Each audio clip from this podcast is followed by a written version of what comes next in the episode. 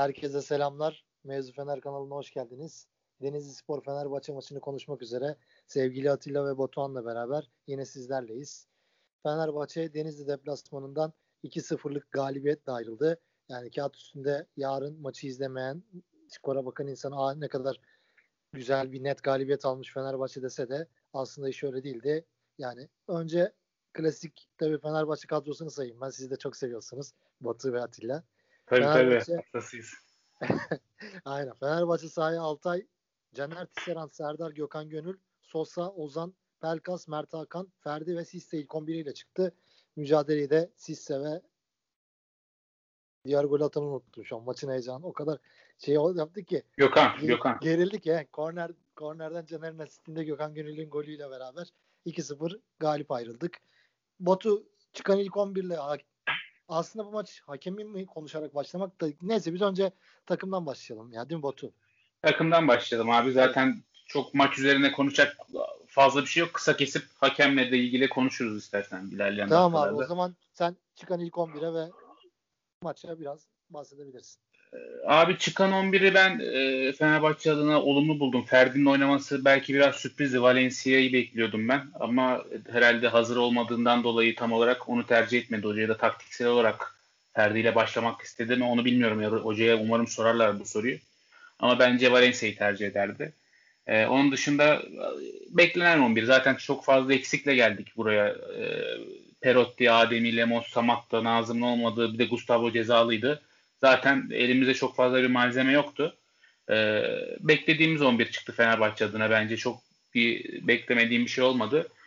Ee, maça da değerlendirelim mi yoksa 11 üzerinden daha fazla farklı şeyler mi? Ya fark etmez Atilla da istersen bir söylesin bir şey. Aynen aynen. Açalım. Aynen öyle yapalım. Atilla sen ne diyorsun ilk bir yorum? Ya bence orada e, ben Batuhan'a cevap verir gibi gireyim. 11 beklediğimiz gibiydi. E, Valencia'nın ben de hazır hani daha hazır olmadığını, maç eksiği olduğunu düşündü. Bir de orada Ferdi biraz daha e, zaten golü de getirdi. Yaratıcı oyuncu eksikliği vardı. Hani e, topa daha sahip Sisse ile başlayınca topa daha sahip olayım. Ceza sahasında daha çok kenarlardan ineyim düşüncesiyle oynadık. Zaten o ilk maçın başında da bunu gösterdi yani. Bir planın bir parçası gibi durdu Ferdi. Ee, onun dışında ilk 11 yani bu eksikler çerçevesinde çıkacak en iyi 11'di. Aynen. Maçın ilk yarısında özellikle ilk başlangıç olarak Fenerbahçe için böyle gümbür gümbür oynuyor tarzında konuşamasak da yani sahada ne istediğini bilen daha böyle organize şekilde olan bir Fenerbahçe vardı. Zaten ilk yarıyı neredeyse %60'a yakın topla oynamayla tamamladık ve birçok pozisyon bulduk ve bunun yanında iki tane de gol attık. Yani Fenerbahçe için işler ilk yarı çok iyi gitti Batuhan. Aynen ilk yarı özellikle ilk 20-25 dakika e, bence fena değildi oyunumuz. Oyuncular birbirine daha yakındı. Geçen maçta çok eleştirmiştik 100 metrede oynandığını futbolun. Ama bu maçta e, daha birbirine yakın üçgenler gördük tabii oyuncular arasında. Ozan Tufan hareketliydi. Geride arkada başlamasının işte bence avantajını bu maçta gördük. Ozan Tufan'ın bir 10 numara değil bir 8 numara oyuncusu olduğunu bence gösteren bir maçtı. Özellikle rakip de daha zayıf olduğunda e, daha da önemli oluyor arkada oynaması. Ee, üçgenleri iyi kurduk. Pelkas, Ozan, Caner üçgeni. Öbür tarafta Sosa, Gökhan, e, Ferdi, Mert Hakan'ın da arada katıldığı. O, o üçgenleri iyi kurduk. Daha birbiriyle yardımlaşan, Sisse'nin de biraz daha hareketli olduğu bir ilk yarı ilk 20-25 dakika gördük. Zaten ilk golde Sosa'nın uzun pasıyla Ferdi'nin kaliteli asistinin sonucunda geldi. Ee, o dakikaya kadar Sosa'yı yine ben çok beğenmedim. Çok çok rölantide oynuyor. Ee, bilmiyorum Sosa'dan zaten daha fazlasını beklemek Sosa'ya haksızlık. Sosa'nın yaşı belli, temposu belli. Trabzonspor'daki son dönemdeki performansı da bence belli. Ee, yani Sosa'nın kendisine bakmadığının üzerine falan çok yorumlamamak gerekiyor bence. Sosa bu. Ee, bundan daha fazlasını görmeyeceğiz bence ama en azından bu tip maçlarda bu performansa çok fazla sırıtmıyor. Beşiktaş gibi daha tempolu, daha kaliteli takımlara karşı çok sırıtsa da yani bu tip maçlarda işte ilk golün e, kilit pasını verdi sonuçta. 10 ee, kişi kaldıktan sonra bence çok fazla oyunda durmaması gerekiyordu. Yine de ilk 20-25 dakika özelinde Sosa'nın da performansı kötü değildi. Ee, Caner gollük 2-3 tane önemli pas attı. Neden Caner'in oynaması gerektiğini Caner kendisi gösterdi. Ki en önemlisi bu pozisyonları geçiyorum. Ee, Yiğit sen de sanıyorum Twitter'da yazmışsın. Hep defansif olarak zaaflarından bahsediyoruz Caner'in. Mesela dakika 25'te ben not aldım. Tisserand çok acemi bir hareket hata yaptı hatırlıyorsanız. Yanlış yerde seken topu nereden sekeceğini fark edemedi. O pozisyona mesela %100'lük pozisyona giderken Caner ters kademeye girerek e, pozisyonu engelledi. Orada bir savunma hamlesi de önemliydi. Onun dışında Pelkas'ın ıska geçtiği pozisyonda %100'lük bir gol pasını değerlendiremedi. Yine Caner'in asisti yendi. Ee, onun dışında dakika bir benim notlarımda 34. dakikada bir Gökhan'a hatırlıyorsanız faul yoktu bence orada ama ondan önce Ozan'a %100'lük faul. Hakem konusunda konuşuruz ama maç kalsın 1-1 oluyordur. Rodelega vurdu dışarı gitti top. Ee, o pozisyonda da Gökhan'ınki faul değildi kesinlikle. Orada Gökhan'ın da bir e, büyük hatası vardı ki maçın en iyi oyuncularından biri bence Gökhan. Ee, orada bir sıkıntı yaşadık. Onun dışında klasik kornerden golümüzü attık. Ee, yani ilk 30 dakikayı fena bulmadım ama ondan sonraki kısım bence Fenerbahçe için yine çok iyi değildi. Hatta kötüydü. Daha detaylı konuşuruz. Aynen. Atilla sen ne diyeceksin? Maça başlangıcımız, ilk yarı performansımız ve daha sonra ikinci yarıda kırmızı kart sonrası değişen oyun. Ee, ben maçın başlangıcını geçen haftaki Beşiktaş maçın düdüğünden itibaren almak gerektiğini düşünüyorum. Çünkü artık sosyal medya e, hayatımızın büyük bir bölümünü oluşturuyor. E, futbolda da öyle. E, bu sporcuların hepsinin Twitter hesapları var. Onlar da buradan geri dönüşleri alıyorlar. E, bütün hafta boyunca Fenerbahçe taraftarı e, her yerde şeyden bahsetti. E, yani kadronun kalitesiz olduğuna kadar her yerde konuşuldu. Hatta biz bile konuştuk yani Yiğit de Uğur'du değil mi? Bir program yaptı. Orada bile konuşuldu. Ben her yerde okudum. Yani 9'luk oyuncumuz yok deniliyor mesela. 10 üzerinden 9'luk oyuncumuz yok. E, kadromuz hep 7, 8, 6. Kalabalık bir kadro ama kaliteli oyuncular yok denildi. Sonra hocaya gelelim. Hocayı biz zaten sezon başından beri eleştiriyoruz. Orada hani Beşiktaş maçında ben hocadan daha çok oyuncuları suçlamıştım yaptığımız programda. E, oyuncular bir karakter koyması gerekiyordu. Bence o karakteri bugün maçın ikinci yarısında koydular e, o maçta koyamadılar. Bir şey oldu. Beşiktaş maçında bir şey oldu. İşler ters gitti. Ama bu ters gidişte daha bir maç olmasına rağmen kadrodaki isimlerden hocanın yedek kulübesi, yönetim, başkan, e, bu takımın sportif atlı Emre Belezoğlu herkese herkesi tek tek sorgu tahtasına çekti Fenerbahçe taraftarı bir hafta boyunca. Ve her zaman söylüyoruz yani alışılmışın dışında bir uzunlukta bir lig oynayacağız. Ve önümüzde yani bir haftayı üç maçta geçecek dönemler çok yaklaştı. Buna rağmen Fenerbahçe bu maça böyle hazırladı Fenerbahçe taraftarı. Onları tekrar tebrik ediyorum. Eleştiri e, eleştirmekten hiç kaçınmadılar. E, ondan sonra maça gelecek olsa mutlak kazanman gereken bir maçtı. Yani mutlak kazanman gereken bir maçı başlamak çok zor ama Fenerbahçe çok sakin başladı. Rahat başladı. Rakibin de zorluk çıkartmayacağını zaten biliyordu. Denizli Spor'da bir hoca değişikliği de oldu ama e, zaten üretmekte, pozisyon üretmekte zorlanan bir takım.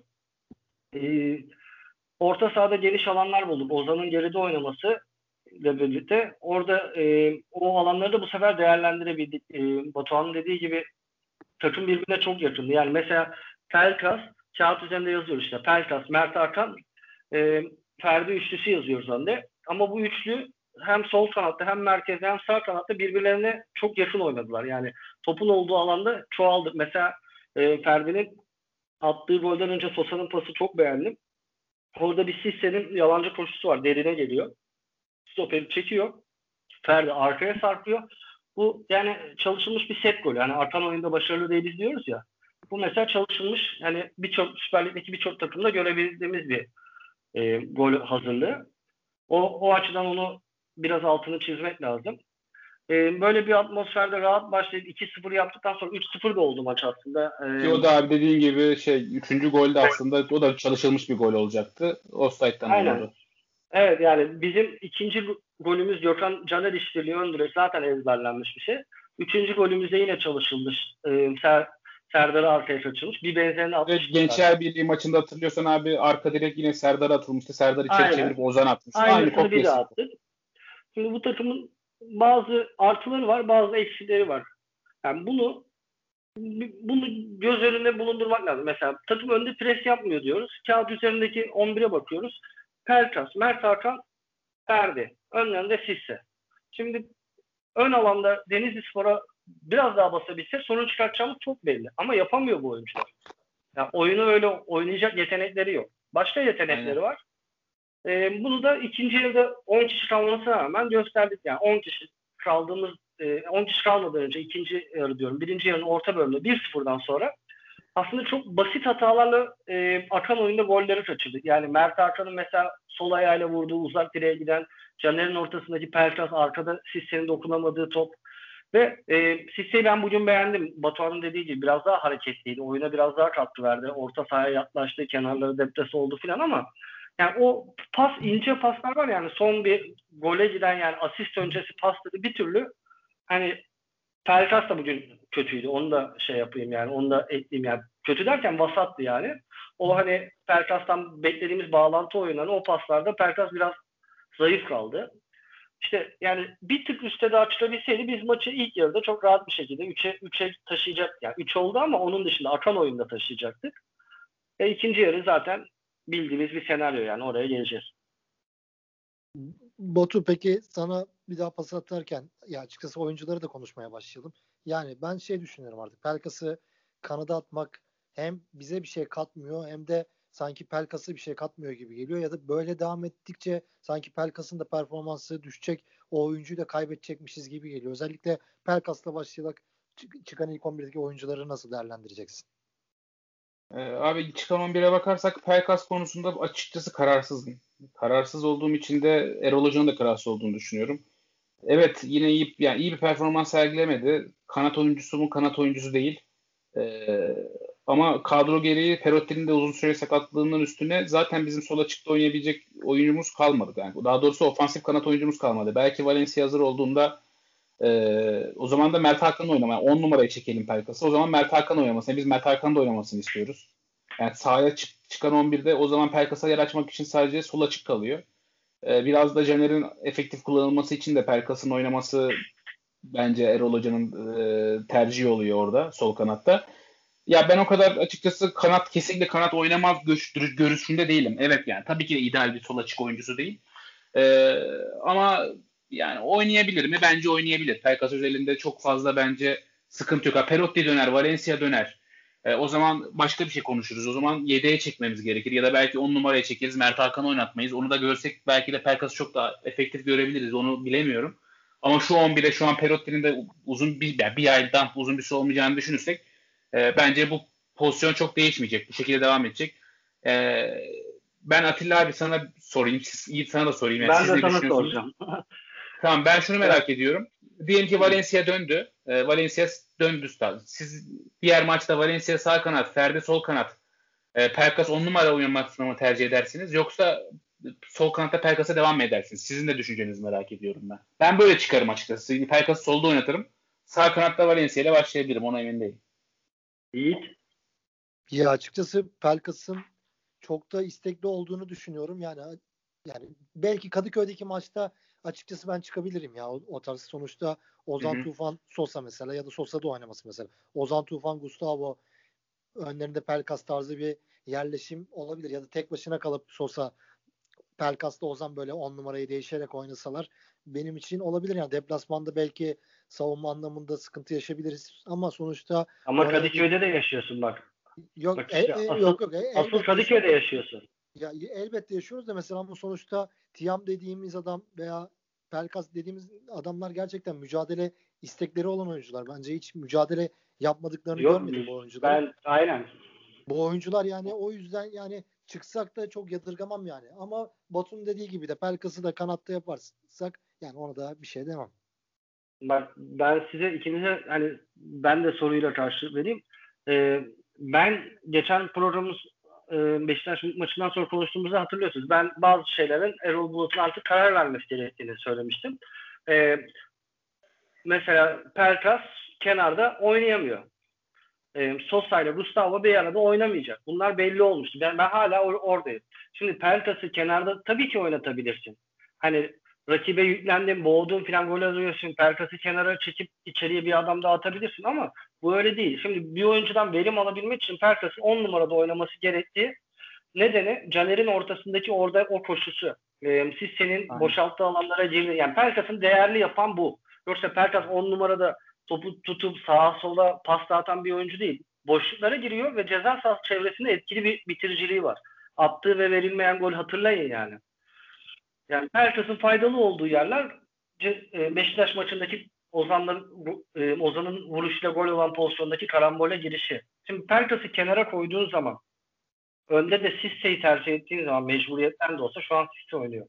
Pelkas'ı kenara koyduğun zaman diğer kanata Valencia'yı atsan bile ön alan presi yapmana imkan yok. Yok yani. Topu geri kazanma denilen bir olay var yani. Topu geri kazanamıyorsun. Fenerbahçe zaten topu ayağına aldığında kaybettiğinde topu geri alamıyor rakipten. Hayda bir daha geriye yerleşiyor. Yani bu yok. Görebiliyor musunuz? Bu kadar maç oynadık. Kazandık, kaybettik. Zaten en büyük sıkıntılarımızdan biri bu. Şimdi Fenerbahçe'nin topu geri alabilmesi için, oyunun yoğunluğunu arttırabilmesi, takımın boyunu kısaltabilmesi için yani herkes eleştiriyor Erol Bulut'u. Ön alanda baskı yok, pres yok, işte hani şey ama olmuyor. Şu andaki oyuncular olmuyor. Bence e, ne olursa olsun sezonun başında o şansı buldu. iyi kullanamadı ama kupa maçındaki gollerden sonra daha moralli, daha iyi yani daha böyle formaya alışmış şekilde e, gelen Tiam. E, Samat, Tiam. Tiam sol kanatta, Samat da önde, Valencia sağda. Yani bizim sezona başlangıç ön üçlümüz bu olmalı da. Arkasından arkaya ben e, kesinlikle Pelkas'ı yazıyorum. Çünkü e, Tiam yani kağıt üzerinde de böyle atabilecekleri maksimum golleri hesaplıyoruz ya. Hani bir oyuncu kaç gol atar. Evet. Bu üçlü daha daha yani şey oluyor. Hani aradığımız şeyin karşılığını veriyor. Arkaya 10 numaraya Pelkas koyup e, geriye geriden Ozan Tufan e, eğer hücumda yoğunluk istiyorsak Ozan Tufan, Mert Hakan yani anlatabiliyor muyum yani? Diğer Gustavo, Gustavo, Ozan Tufan yani daha böyle hücuma gideceksek orada hani sol kanattan sağ kanattan vazgeçmek yerine derindeki Gustavo'dan bile vazgeçebilirim ben. Eğer vazgeçemiyorsa arkasına Gustavo, Ozan Tufan Gustavo Mert yani, Hakan mesela. Şöyle Ama abi. Alacaksam orada alayım. E, Çünkü senin, topu geri alamıyorum. Senin dediğin 11 abi. E, sen Tiam solda, Valencia sağda, forvet arkası Pelkas. Dediğin 11. E, bizim hangi maçımızın 11'i?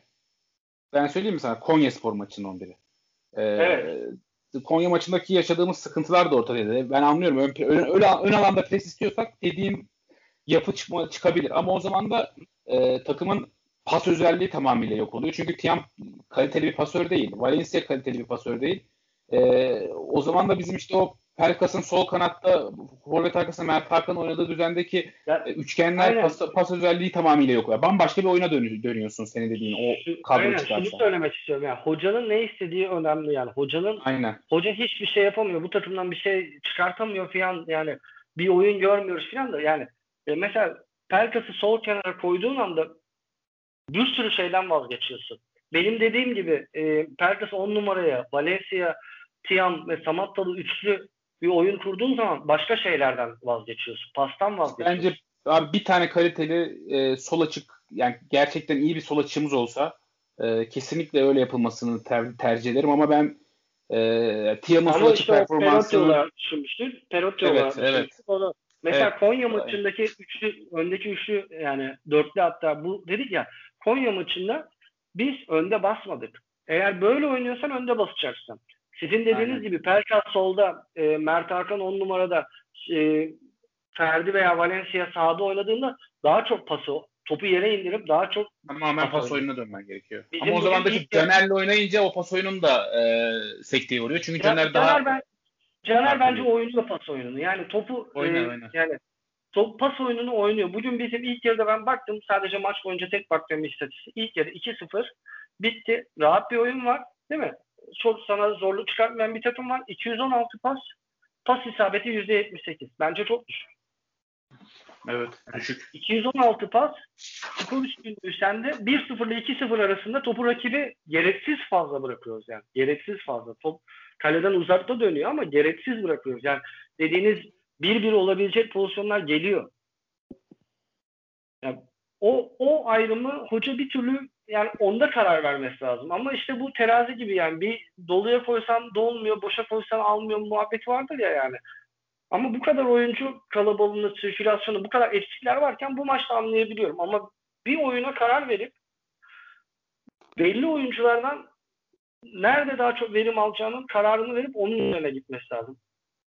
Peki şimdi mesela bu maç Ferdi sağ olarak çıktı ve oldukça hareketliydi, asist de yaptı. Şimdi mesela Valencia ve Ferdi arasında ne karar verecek hoca? Bundan mesela Tabii yüzde yani, yüz, aynen. yani bundan yüzde yüz emin olabilecek mi sizce? Şimdi Yiğit ben sana sorayım. Hemen hemen tenis topu gibi geri sa- sana atıyorum topu. Doğru abi. Ee, Ferdi oynadı. Beğendik değil mi? Asisti Evet. yaptı. Oyunu çözdü. Evet. İlk yarının geri kalanında Ferdi var mıydı? Yani böyle 2-3 parlaması şey yani devamlılığı, Yok, temposu. yok. Ferdi'nin Yani- evet katılıyorum sana. Ferdi'nin devamlılığı yok ama Şimdi- Fenerbahçe'ye biraz da yani şey mi lazım ama yani sonuçta skoru yakalayan oyuncu oldu Ferdi. Yani orada belki Evet, Valencia işte olsa anladın mı? onu yapamayacak belki ama.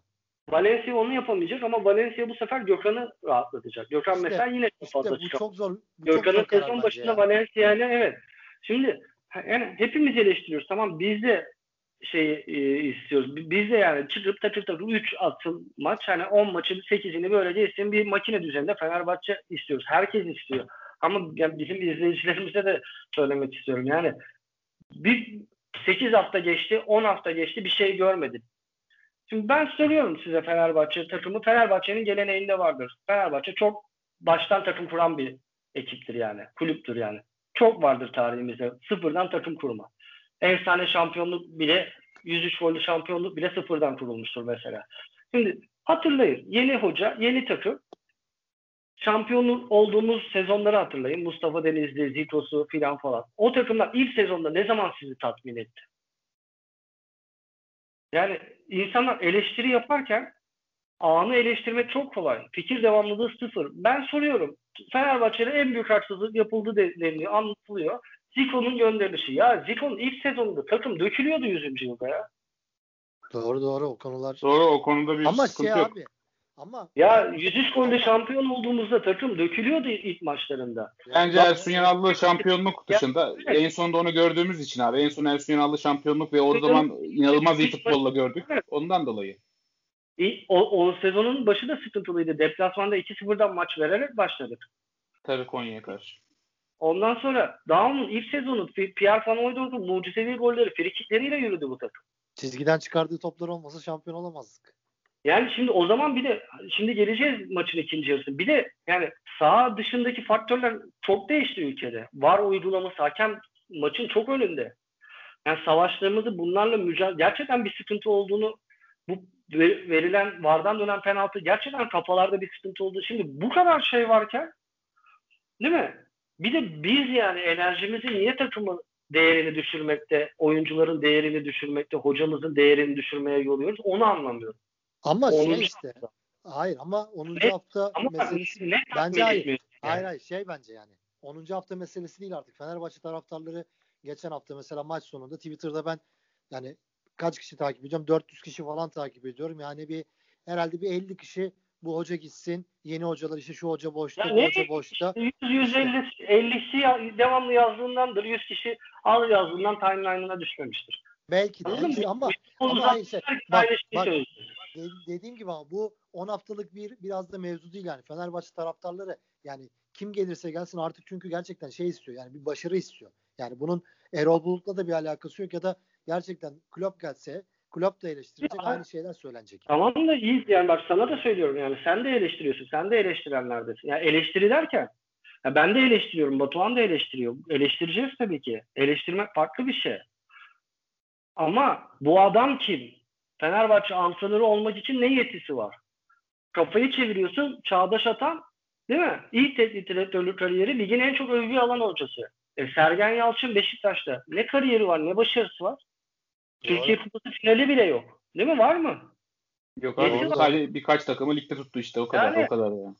Yani aynı adama diyor ki Çağdaş'ı beğeniyor musun? Beğeniyorum. Ve ben Al- Alanya'nın başında bunun ne işi var desem Alanya kulüp değil mi? Gitmişler Sergen'in yardımcısını almışlar. Koskoca Beşiktaş Sergen'i getirmiş. Ne başarısı var? Takır takır top oynuyorlar. Fenerbahçe'yi yönetmek, Beşiktaş'ı yönetmeye, Alanya'yı yönetmeye benzemez. Ama Erol Bulut bence yani bazı şeyleri eksik olduğunu tabii ki altını çizer. Ama kardeşim bu adam kim? Başka hoca mı yok? Nereden geldi? Ne başarısı var? Hatırlıyorsunuz yani Löw, Fenerbahçe stajyer yeri değildi. Löw gitti.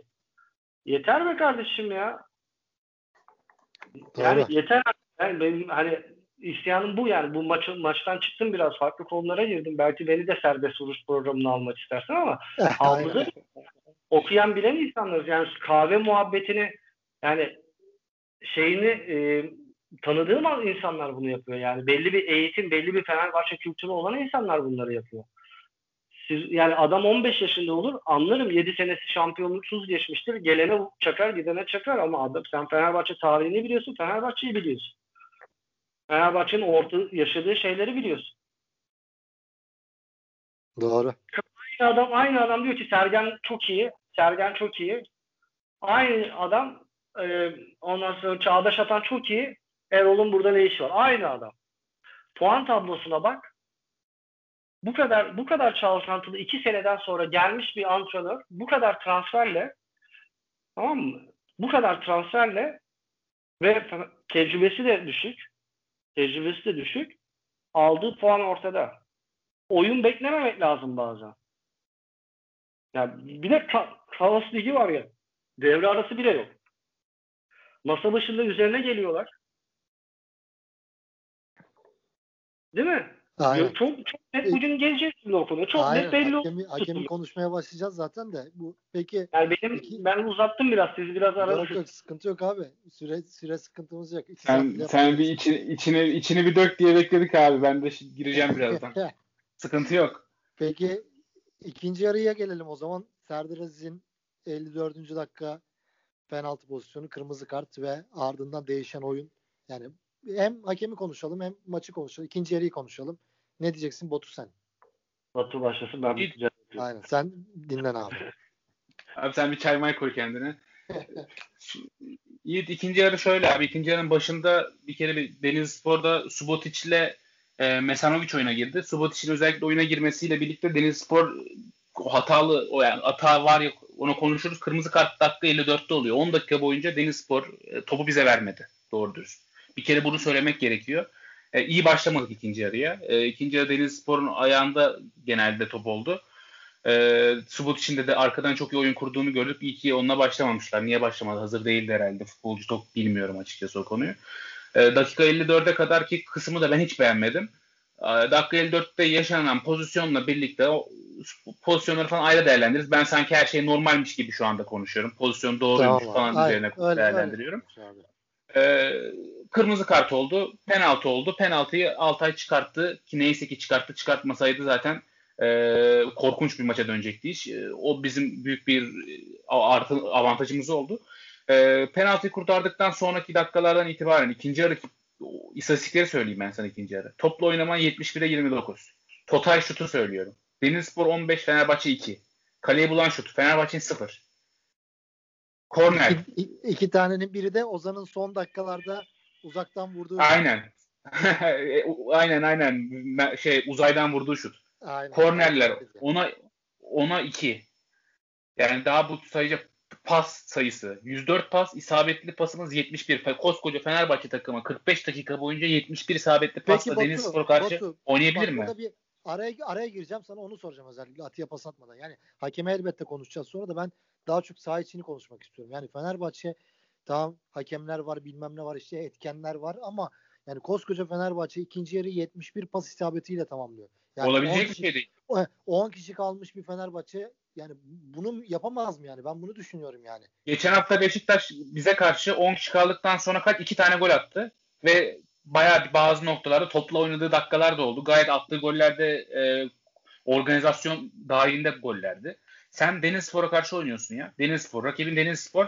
Tamam hakemle birlikte sıkıntılı bir kırmızı kart çıkmış 10 kişi kalmış olabilirsin. Ya Denizspor'a bu kadar hakimiyeti vermek, ceza sahasına bu kadar kapanmak. Ya bu maç şu an 2-0 bittiyse e, bunun başarı mıdır bilmiyorum ama yani büyük bir oranda şans faktörüyle biz bu maçı 2-0 bittik. Hep diyoruz ya Fenerbahçe kale, kalesine gelen her şut gol oluyor. E, bu bir kere bunu bir kenara koyalım. Fenerbahçe'nin kalesine gelen her şut falan gol olmuyor. Bu, bugünkü olmuyor, maçta olmuyor. gördük. E, bugünkü maçta olmadı. Bunu geçtim. Evet. Karagümrük maçında gördük. Penaltılar kaçtı. Onu geçtim. Konya Spor maçı 0-0'dayken %100 kaleci karşı karşıya yine gol kaçtı. Biz bu kendimizi bu şekilde yanıltmamamız gerekiyor. Kaleye gelen her şut gol oluyor falan. Yok öyle bir şey. Kaleye gelen her şut yok, ben, olmuyor. Bence de yok. Bir de şey abi ya ben ona şaşırıyorum yani. Tamam 10 kişiyiz pas yapamıyoruz ama yani pas yapmak da istemiyoruz ya. Özellikle ikinci yarıda bunun yazmak da istedim. Yani Caner, Tisserand, Gökhan mesela 3-4 tane pozisyon oldu. Top ayağına geliyor. İleride hiç kimse yok. Direkt ileri vuruyoruz topu. Top ayağımıza gelince. Evet. Yani bir pas yapalım. Aa şurada oyuncu var mı falan diye hiç düşünmüyoruz yani. Ve daha saat var. Pozisyon verme bari. Pozisyon verme. Hem kapanıyorsun hem de dakika başı pozisyon veriyorsun. Yüzde yüzlük yani, goller çıkar. Aynen. Bak evet Mourinho'nun mesela Inter'i vardı. Atilla çok iyi bilir bu dönemleri. Yani nasıl kapanıyordu abi? Ceza sahasına çekiyordu ama sıfır pozisyon veriyordu. Şut çektirmiyordu kaleye. Aynen. Yani bu bir oyundur yani. He, o, o şekilde bir kapanma da yaşamıyoruz biz yani.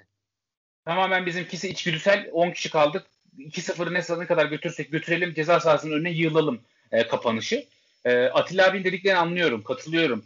Kesinlikle şunu şunu altına imza atarım. Türkiye Ligi'nde bir takım vura vura inanılmaz futbolla şampiyon olmak zorunda değil. Galatasaray'ın müzesindeki kupaların yarısı zaten bu tip şampiyonluklardan geçiyor. Bu tip 10 tane maç oynamıştırlar en az. Tabii ki de bunları kazanmak, bu şekilde kazanmak önemli. Ama sen bunu kazanırken ikinci yarı sadece 71 pas yaptığını da e, bunda hocanın da büyük bir hatası olduğunu da söylememiz gerekiyor. Bir şeylerin değişmesi gerektiğini söylememiz gerekiyor. E sonra görüyoruz Beşiktaş gelip 4 atıyor sana. E, yani ya, bunları ya da konuşmak şimdi, gerekiyor. Şimdi istatistik uzmanları Fenerbahçe'nin ekibi istatistik ekibi Erol Hoca'ya bu maçın bütün istatistiklerini sunacaktır. Yani Erol Hoca da umarım bununla ilgili dersler alır. Yani ve bunu bundan sonra böyle şeyler görmeyiz. Daha az görürüz en azından. Şunu da ekleyeceğim Yiğit. E, şu hoşuma gitti. Bence bu özellik olarak karar verilmiş bir şeydi. E, oyuncu değişikliklerini çok geç bir kırmızı kart görmeseydik daha da az olacaktı. Toplamda ilk defa 5 oyuncu değişikliği yapmadık. 4 oyuncu değişikliğiyle maçı bitirdik ki e, iki tane değişikliği 82. dakikada yaptık. Normalde biz 70'lerde falan 3-4 oyuncu değişikliği yapıyorduk.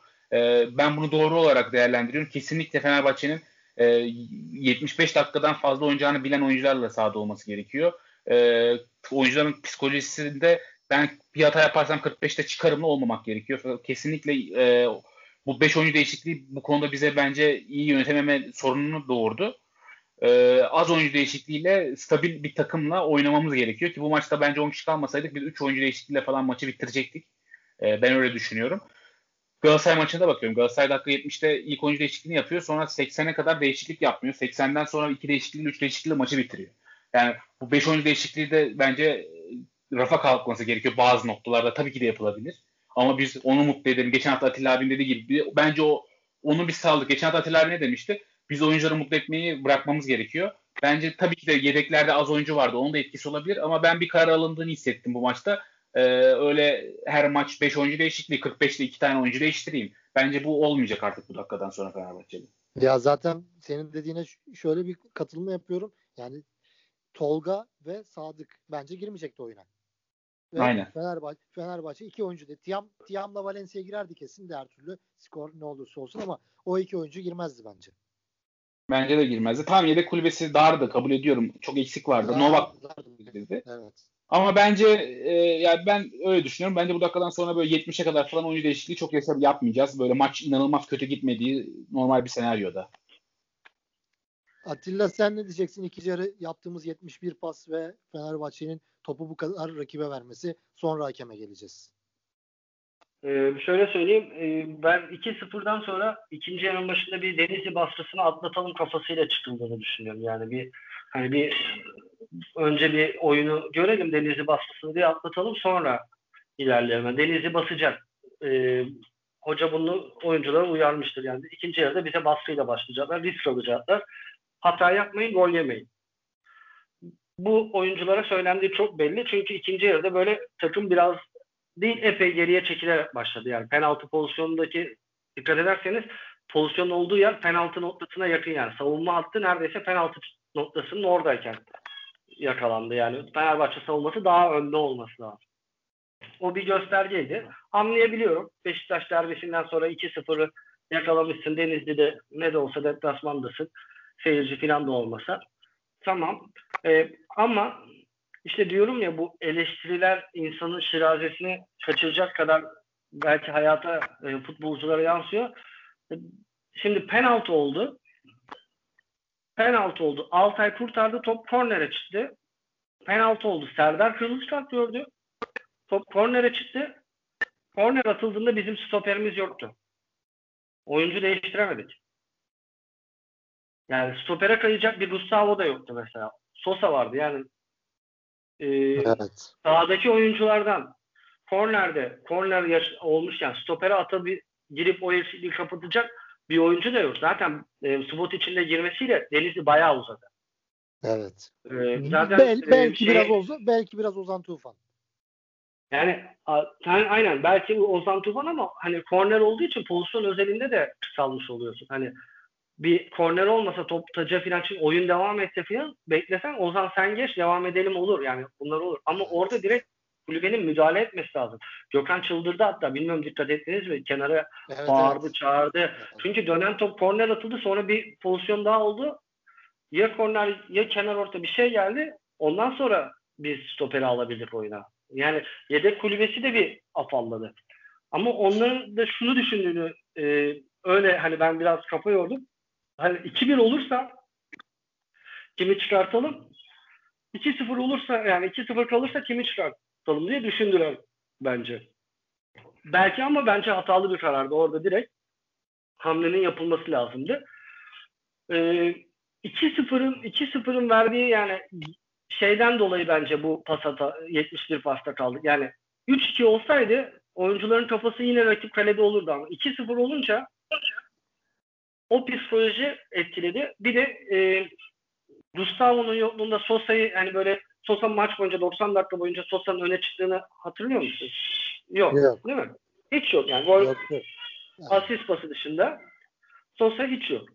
Hiç ee, yok. Sosa bence maçın en kötüsüydü. Yani, Büyük nedeni buydu bence maçın kötüleşmesi. Yani Sosa'ya aynen. Sosa'ya ihtiyacımız olduğu yer işte o anlardı. Yani takımı topu iki kenara pas üçgenini oradan seken topları çünkü aldık yani dönen topları. Savunmadan karşıladığımız topları biz aldık. Caner'le aldık, Ozan'la aldık ama Sosa bir türlü orada o üçüncü adam olmadı ve pas bağlantısını kuramadı yani. Topu beke alayım, tekrar alayım değil mi? Sosa'yı ligin başında biz gördük. Bunları yaptı çünkü.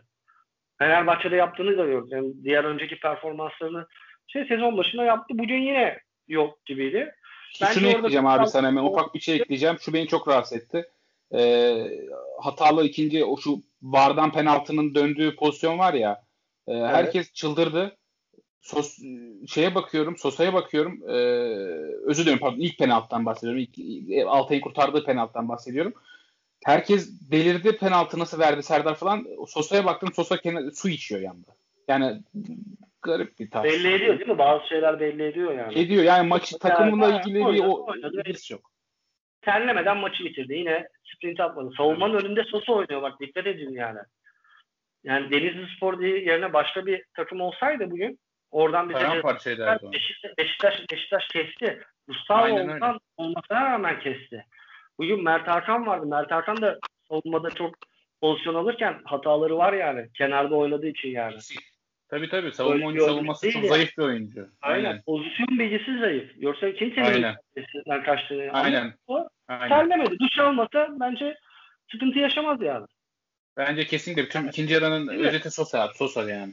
Aynen. Sen oyunun merkezinde. Sosa'yı çok geç çıkarttın. Oyunun merkezinde e, Sosa'nın olduğu bir yerde 10 kişi kalmışken yapamadık yani. Bak Tolga girdikten sonra yaptık.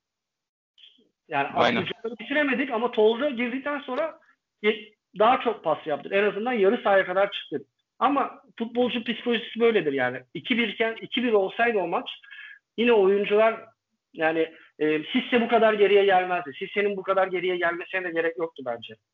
Yaydaydı Sisse ya. Ya yayın yani, önünde duruyor. Ceza sahası Forvet'in bu kadar takımın önüne gelmişken yani bu kadar birbirine yakın olmak bazen dezavantajları da getiriyor yani. Anladın? Pas mesafesi olmadı yani. Ve Sisse deparlı bir oyuncu da değil. Kenarda oynayan Ferdi de öyle. Değil mi? Çıkamadık yani. Bir türlü oyunu açamadık orada. E orada Sosa'nın devreye girmesini bekledi. İki pas yapsın. Bir faal alsın. O da olmadı. O da olmayınca bu skandal ikinci yarı ortaya çıktı. Ama bence e, teknik heyet bunları görüyor. Siz, sizin dediğinize katılıyorum. E, oyuncu değişikliklerini sınırlama şeyine ben de onu hissettim.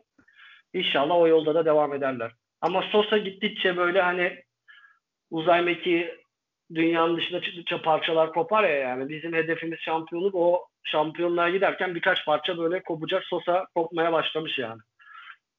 Evet. Sosa biraz da yani şey olabilir ya Atilla yani biraz dinlenmeye mi ihtiyacı var acaba arada? Olabilir yani bu da olabilir. Hiç yani ama bunu hani diyoruz ya hiç yani veriler yukarıdan geliyor hangi oyuncunun yorulduğu filan falan hocaya söyleniyor. Pelkas o yüzden çıkıyor filan ya Sosa yürüyor ya. Sprinti yok yani. Değil mi? Bak sprinti yok. Evet. Ama ne diyorsun abi? Gustavo yok. Bak bir gol asist pası verdi. Ben Sosa'yı tutayım diyorsun. Çünkü kenarda onun hani oyunun Sosa gibi oynayan başka bir alternatif yok. Yok. Bence e, Tolga'nın daha önce atılması gerekiyordu orada. Bence Tolga daha erken girseydi Ozan daha rahat giderdi. Mert Hakan daha rahat giderdi. Sisse bu kadar geriye gelmezdi. Ama yani kafanın bu kararları verebilmek için gerçekten kafanın çok net olması lazım. Yani bak ben eleştiriyorum Gökhan Gönül bile çıldırdı en tecrübeli adam. Niye değişikliği yapmadı? Niye stoper kim diye böyle bir bilmiyorum tekrarını görürseniz falan dikkat edin. Korner dönüşü böyle el kol kenara bağırdı yani. Ama her şeyin işte çok şey düşünmek bazen de işte sıkıntı veriyor. Bence e, Sosa'yı da yavaş yavaş takımın bir ufak ufak arka bench'in arkalarına doğru göndermek gerekiyor. Aynen. Peki Batu Fenerbahçe'de tabii Altay maçın yıldızı tartışması tabii ki de. Onun dışında şu oyuncu iyiydi diyebileceğin oyuncu kimdi? Abi bence e, tamam maçın yıldızı Altay onu şey yapmıyorum. Yani, şov yapmıyorum. Zaten, şov yapmıyorum. Başka isim vererek şov yapmayacağım. Aynen. E, ama ben bu maçta Gökhan Gönül'ü çok beğendim. Golünün dışında 2-3 tane golü engelleyecek çok kritik kademelere de girdi. Bir tane dediğim gibi ilk yarıda 30. dakikada o ki onun da başında yine Ali Palabıyık imzasıyla oluşan pozisyonda yere düştü çok rahat bir şekilde. Gol yiyebilirdik ama var iptal edebilirdi bilmiyorum.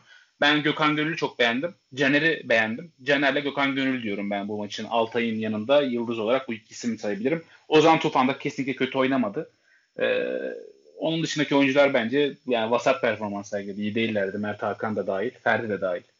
Zaten Gökhan Gönül dedim. Bence de Gökhan Gönül çok iyiydi. Gökhan'ın zaten yani iyi olacağı Beşiktaş maçı sonrası hemen Instagram'da attığı posttan belli oluyor yani. Biz bu Altı küfürler dolu ama değil mi? E, altı küfür dolu. Aynen. Altı, altı küfür dolu. 6344 tane yorum var. Yani. Değil mi? E, ben biliyorum çünkü. Yani çünkü benim arkadaşlarım bile onu retweet atıp timeline'ıma düştü yani. Şov yapma top. Doğru doğru ya öyle za- Ama zaten... bak işte ne diyoruz? Ya zaten Altay'ı yani Altay'ı artık övecek kelime bulamıyorum yani. Böyle bir takımdan bağımsız bir seviyeye çıktı tamam mı? Böyle tek başına artık attığımız golden sonra Bainspor eşim söyledi bana. Ben gol sevinci dedim. Altay dedi küfür ediyor dedi. Niye küfür ediyor dedi. Fenerbahçe ikinci golü atmış. Bainspor Altay'ı gösterdi. Kalede sevincini artık nasıl çıldırdıysa gösterdiler yani. Kötü niyet aramıyorum. Altay küfür ediyormuş. Yani sevincinden küfür ediyormuş. Anladın mı? Daha 2-0 öndeyiz. Oyun yani Altay'a dönmemiş daha. Evet. Gollerden sonraki hareketleri filan falan. İşte yani onu ayrı tutuyorum. Nazarlardan saklasın. Ama takımın en iyileri kim Altay'ın dışında arkasına kimi yazıyoruz 2'ye 3'e? Caner'le Gökhan'ı yazıyoruz. Niye onları yazıyoruz? Tecrübe. Yani o maçtan, o maçtan, o maçtan bence tecrübe. O maçtan Beşiktaş maçının altından çıkan iki isim. Bir de geçmişi de yani. geçmişi de biliyor. Aynen yani. bir şey söyleyeyim mi? Yani. Bu maçta Nazım Nazım ve Novak Novak oynasaydı abi Nazım'la Novak oynasaydı bu maçta biz bu maç 2-0'dan 2-2 penaltıya rağmen kurtarmasına rağmen dönebilirdi. Onu söyleyeyim ben, ben sana. Yani a, a, bu, bu benim dediğimi biraz açıyor yani. Neden Gökhan'la Caner? Çünkü kolay gerçekten kolay değil yani Beşiktaş mağlubiyeti. Yani normal bir mağlubiyet değil yani. Bunu bunu bu kadar da yani büyüten büyüten balonu devamlı şişiren bir Fenerbahçe taraftarı altından kalkabilen iki isim yani. Diğerleri kalkamıyorsa bu diğer oyuncuların suçu kadar yani taraftarın da suçu yani. Aynen. Peki sağ içine eklemek istediğiniz bir şey var mı? Yoksa hakemi konuşalım. Ya şeyi söyleyecektim. Ee, fazla Twitter'a bakmadım. Belki sen görmüşsündür. Maçtan sonra e, şeyi e, Ferdi'nin açıklaması çok hoşuma gitti. Ferdi şey dedi. E, hani Ferdi'ye soruyorlar maç falan falan. Yani takıma çok teşekkür ediyorum dedi yani. Yani Ferdi biraz daha böyle bir full bir tip olarak gözüküyor değil mi? Yani Hollandalı olması, Türkçe konuşmaması falan falan. Hani böyle hep yani bayağı bir aşkla mücadelesini de koydu ikinci yarıda hani defansif olarak. E, bayağı bir aşkla açıklamalarını okursanız yani takıma çok teşekkür ediyorum. Takım halinde kazandık. Yani çok evet. önemli. Yani bu açıklamayı Ferdi'nin de bunu yapması takımdaki o atmosferi yani bu ayağa kalkışın önemli bir göstergesi bence. Erol Bulut'un açıklaması da şey bugün tüm futbolcularımız her şeylerini sahaya verdiler. İyi bir performans gösterdik. 40 dakika 10 kişi oynadık. Sağ olsun 8 dakika maç uzadı. Ben 16 dakika bekliyordum şahsen. O başkalarına Aynen. nasip oldu. Bize 8 dakika nasip oldu diye bir açıklama yapmış. Aynen. Çok güzel konuşmuş. 8 dakikayı çözemedim yani. Neyse geçelim hakeme ya. Buyurun. Vurun. Ya ö- ö- öncelikle Batu şuradan ilk, başlayalım. İlk taşı, ilk taşı en masumumuz at. Ee, pozisyon sence penaltı mı? Batu. Hangisi? Abi penaltı pozisyonu. E, bilmiyorum. Yani tam olarak hakim değilim. E, bir şey deyip yanıltmak istemiyorum. Böyle herkes uzmanmış gibi konuşmayı seviyor Türkiye'de.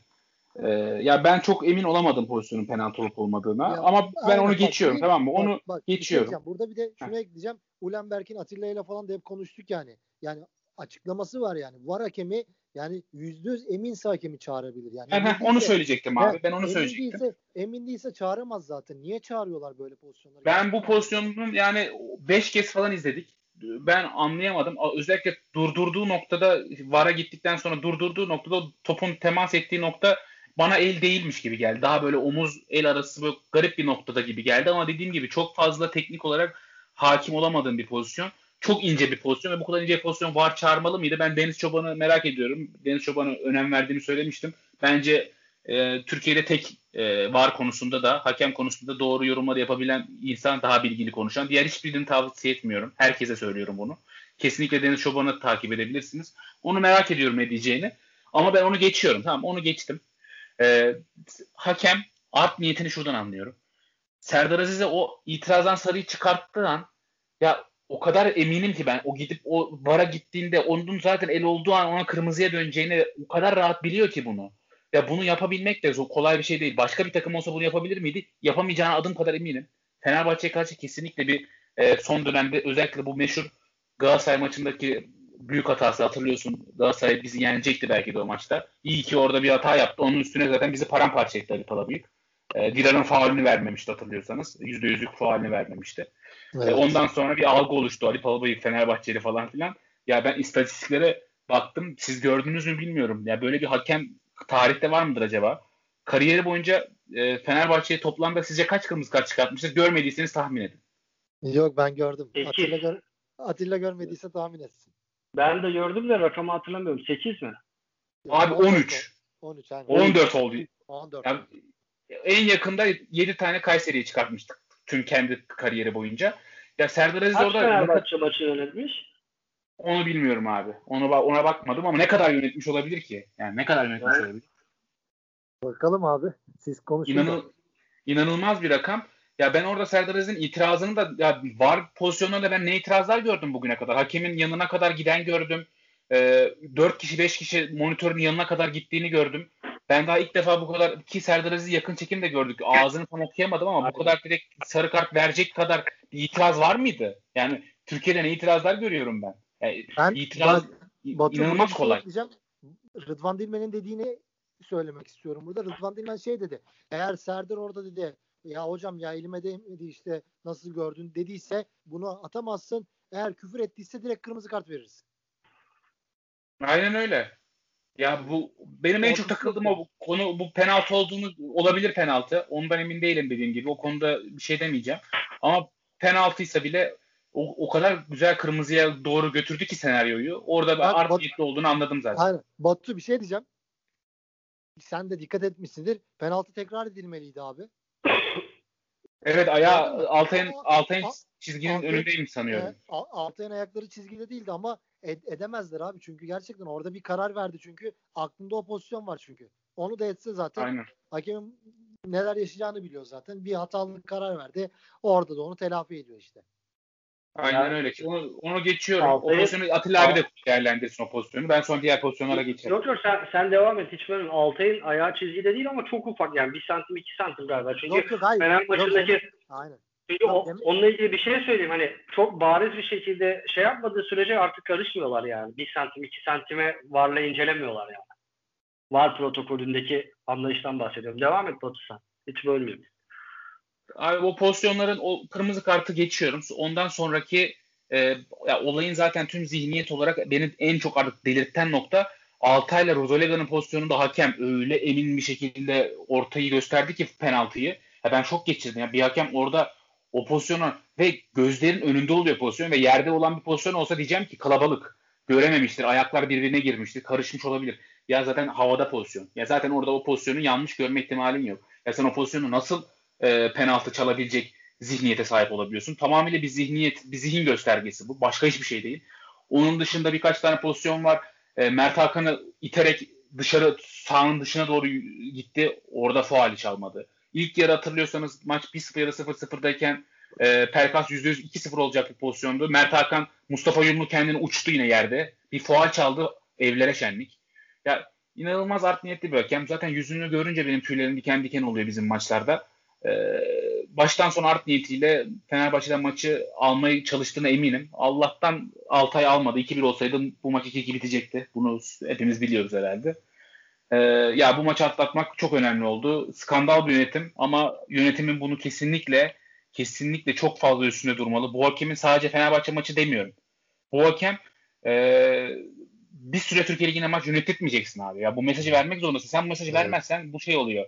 Sen doğrayabilirsin Fenerbahçe. Sıkıntı yok. Doğrayabilirsen hiçbir sıkıntı çıkmayacak. Bu mesajı alıyor hakemler. Ama zor görüyorum çünkü bu hakem e, FIFA kokartlı gelecek vaat ettiği düşünülen, sözüm ona çok iyi olduğu düşünülen bir hakem. E, ve ben yönetimin bu konularda çok fazla söz sahibi ve etkili olduğunu düşünmüyorum. Ama merakla takip edeceğim. Fenerbahçe maçını en azından yönetmesin. Uzun bir süre Fenerbahçe maçını verdirtmemeleri gerekiyor. Yönetime yazarlar zaten. olacak. Bence de verilmez. Umarım. Bu arada 32 Umarım. tane 32 tane Fenerbahçe maçı yönetmiş. Fenerbahçe 17'sini kazanmış. 9 beraberlik 6 mağlubiyet almış. Onu da söyleyeyim. Atilla sen ne diyeceksin hakemle ilgili? Ee, ben de ilk penaltıdan başlayayım. Yani VAR protokolünün zaten e, nasıl işlediğini yani biz diyoruz ya e, kafamızda işte kesin kanıt sunması adama göre kesin kanıt. Yani değil mi? VAR'daki hakeme göre bu kesin kanıt sunuyor. Bir pozisyon görmüş. Ben bir pozisyondan gördüm. Penaltı değil dedim. Ondan sonra değil dedim. Serdar kafasını kafasına değdiğini, kafasından eline gittiğini falan söyledi hakeme. Neyse yani şey bir de e, e, demin söyledin ya Batu Beyin Sports'ta hakem yorumcumuz. Ben de çok beğeniyorum. Deniz Çoban. Deniz Çoban. Deniz Çoban işte zaten e, bu el olayları dışında kolay penaltı istemediklerini de söylüyor. Bunu bir yani TFF'nin ve Ulenberg'in MHK'nin hakemleri kolay penaltı istemiyor. Yani Avrupa'da penaltı olabilir ama bizim ligimizin farklı standartları var. Onun da neden olduğunu bilmiyorum. Bazı pozisyonlar. Ee, mesela bizim Beşiktaş maçında attığımız son penaltının e, şeye göre Deniz Çoban penaltı değil dedi bu. Ama Türkiye'de dedi aynısı verildi. Bir hafta önce de verildi ve bunun penaltı olduğunu söyledi, söyledi hakemlere. Avrupa'da olsa bu penaltı değil dedi. Bence ben futbolcu olarak yani bir futbol oynamış bir kişi olarak söylüyorum. Bence penaltı. O. Çünkü adamın gelişi ne göre sen pozisyonu devam ettiremiyorsun. Öyle bir geliyor ki ayağını da sokmayabilirsin yani. Öyle geliyordu Beşiktaş maçındaki oyuncu penaltıyı yapan. Neyse o onu karıştırmıyorum ama bunun altını çizmek lazım. Var protokolü kesinlikle Türkiye'de neye, karış, neye karışmayacağı belli değil. Allah'a emanet. Ondan sonra kolay penaltı istemiyoruz. Değil mi? Bunu Cüneyt e, bunu da yazalım bir kere. Deniz Çoban da söyledi. Altını çizelim. E, Mulenberg de söyledi şeyde Beyin Sports'ta. Bunu da altını çizelim. Şimdi geliyorum e, maçın hakemine. Şimdi ortada olan hiçbir kararı Fenerbahçe lehine vermedi. Gökhan Gönül'ün bence o Batuhan faal değil dedi ama bence o faal. Çünkü omuz omuza değil omuz atıyor yani. Omzuna da atsa omuz atmak var ve e, o adını unuttum Denizli Sporlu futbolcusun gerçekten üst bölümü bayağı iri yani. Bayağı sağlam. Ki zaten abi o pozisyondan önce Ozan Tufan'a yüzde bir milyon faal. Yani yüzde bir milyon. O faul zaten. İlk, ilk yarıda ilk yarıda Denizli Spor oyundan çıkarttı. 6 numaralı sarı kartı vardı. Ozan Tufan'a bir faali var. Hakem dedi ki yana Aynen. doğru gidiyor dedi. Devam et dedi. Şimdi yana doğru gidiyor nasıl bir şey yani? Taca mı gidiyordu? Oyunun merkezinde yana çalım attı sadece. Yüzü hala kaleye dönük doğru, sıyrıldı ve gole gidiyor. Yana doğru yani. gidiyor. Şunu diyeceğim abi yana doğru gidiyor diye vermedi diyorlar ya. Aynen el, eliyle gösterdi. E, Yana Beşiktaş maçında herkesin herkesin sabah akşam tartıştığı Mert Hakan nasıl atılmaz dediği pozisyonda da adam rakip yine yana doğru gidiyor diye vermediler diye bu kadar e, eleştirildi. Madem evet. o doğru o zaman bu da doğru. O taç çizgisinin kenarındaydı bir de yani. Taç çizgisinin kenarındaydı yani. Çaprazları. Bu oyunun merkezindeydi. Şimdi burada bir hakem o sarıyı çıkartmadan çıkartmadıysa zaten niyeti belli. Oradan başladı. İkinci bardan dönen penaltı e, şey e, mesela Gökhan Gönül'e e, bir oyun top ters kanada atıldığında Gökhan Gönül'e bir darbe vardı. Gökhan yerde kaldı. Denizli çabuk dönebilseydi ortaya pozisyon olacaktı. Görmedi. Vermedi. Caner Rodelega mücadelesini hatırlıyorsunuz. Caner ne yaptı? Rodelega'nın Rodelega'dan kaçıyor Caner. Rodelega peşine gidiyor. Caner gidiyor, o geliyor. Devamlı Rodelega bir şeyler söylüyor. Son Caner tamam. sarı kart çıkıyor. Caner'e de sarı kart göster. Niye Caner'e sarı kart göster? Ne yaptı Caner? Serdar Aziz'in itirazı Batuhan dediği gibi yani bunun misli misli misli itirazlar oldu. Kart çıkartmıyorsun. Ya beraber VAR kulübesine falan girdiler ya Türkiye'de. Hani VAR hakemin kurallar gereği işte orada VAR'a giderken hakemi engellemek, karışmak falan falan orada sarı kart gösterme kuralı var. Ama daha sahanın içindesin ve Beyin Sports dudaklarını da okutarak gösterdi. Serdar kesinlikle küfür etmiyor. Küfür etmiyor. Yok, küfür etmiyor. falan yok. Küfür etmiyor yani. Küfür etse de denize gidiyor zaten. Niye kırmızı vermiyor? Ondan sonra Caner'e çıkmayan, çıkan sarı kartı söyledik. Şimdi o pozisyonda VAR'da verilmeyen, VAR'dan dönen penaltıda pozisyonu yani kaleci kale sahası içinde dokunulmazlığı olduğunu hani ilk yazılan kurallardan biri. Kaleciye temas var ama penaltı veriyor. Niye penaltı vardı biliyor musunuz? Ben size söyleyeyim mi? E, Roderica'nın düşüşü ters ya. Üste Altay'la çarpışıyor. Altay topla de, vurduktan sonra tokatladıktan sonra Roderica'yla bir temas var. Roderica havada dengesi bozuyor. O pozisyonda nasıl yorumladı biliyor musun? Ben çok eminim o pozisyonun içinde Valencia var. Tekrar izlediğinizde bakın. Valencia alttan ittirdi penaltı dedi bu. Olabilir. Net düşüncesi bu.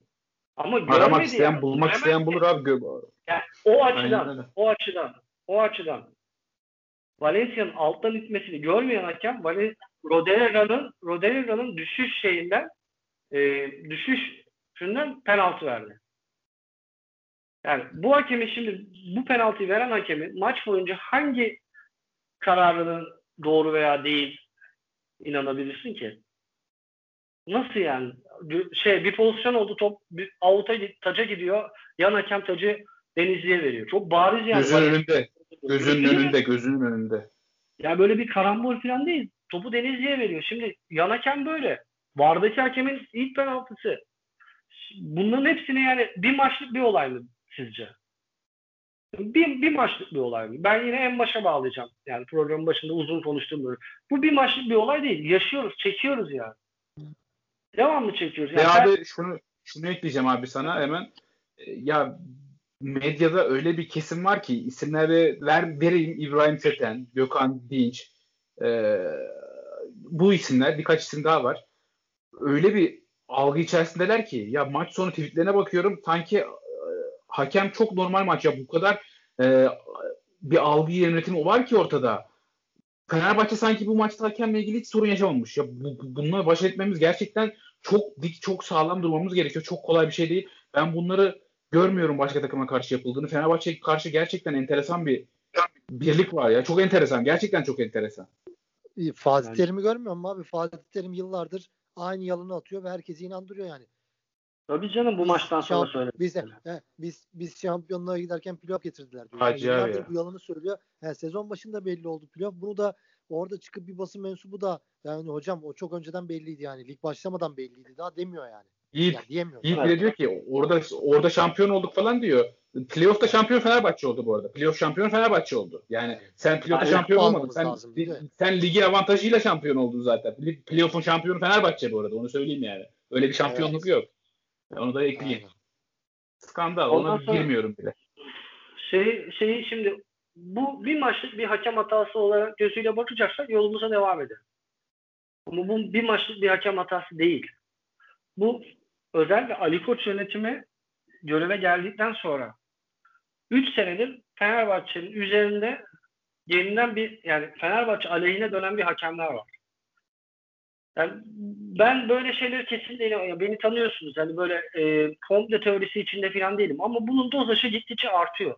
Bu sene bu sene her şey doğru giderken Konya Spor maçında biz öne geçseydik o maçı alacağımızı her hepimiz biliyoruz. Pelkas'ın verirseydi Değil mi yani? Ben yani bu yani bu tabii abi açık direkt hakem hatası. Yani. Aynen öyle. Sinerji denen şey takım yani bir sinerji yakalaması lazım. Bu sinerji Konya Spor maçında kırıldı. Gençler Birliği maçında başladı. Beşiktaş maçında tekrar kırıldı. Konya'da kazansaydı Gençler Birliği'ni yenseydi Beşiktaş maçına hangi şartlarda çıkardı? 0-0 oynayarak çıkardık ya. Yani anladınız mı? Yani bu sadece bir maçlı bir şey değil ama bu işte bunlar hep tecrübe yani diyorum ya bir yani Fenerbahçe taraftarı e, ben 82 doğumluyum.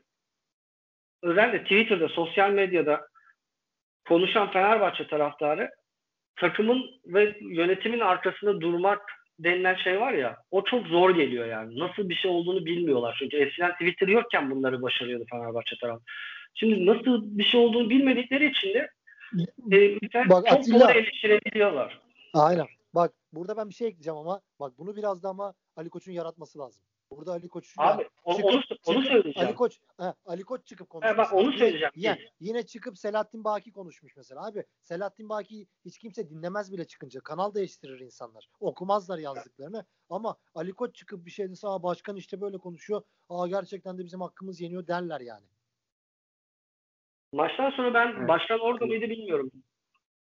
Maç, baştan orada mıydı? Denizli'ye gitti mi? Maçtan sonra da olmasa. Şimdi biz senelerce tamam Aziz Yıldırım yönetimini eleştirdik. Bu, konferanslar, konferanslar hani slide show'lar falan falan değil mi? Ama e, şöyle bir şey söyleyeyim. E, Twitter'da gördüğümden oradan örnek vereceğim. Aziz Yıldırım da ilk geldiğinde böyle değildi Yiğit.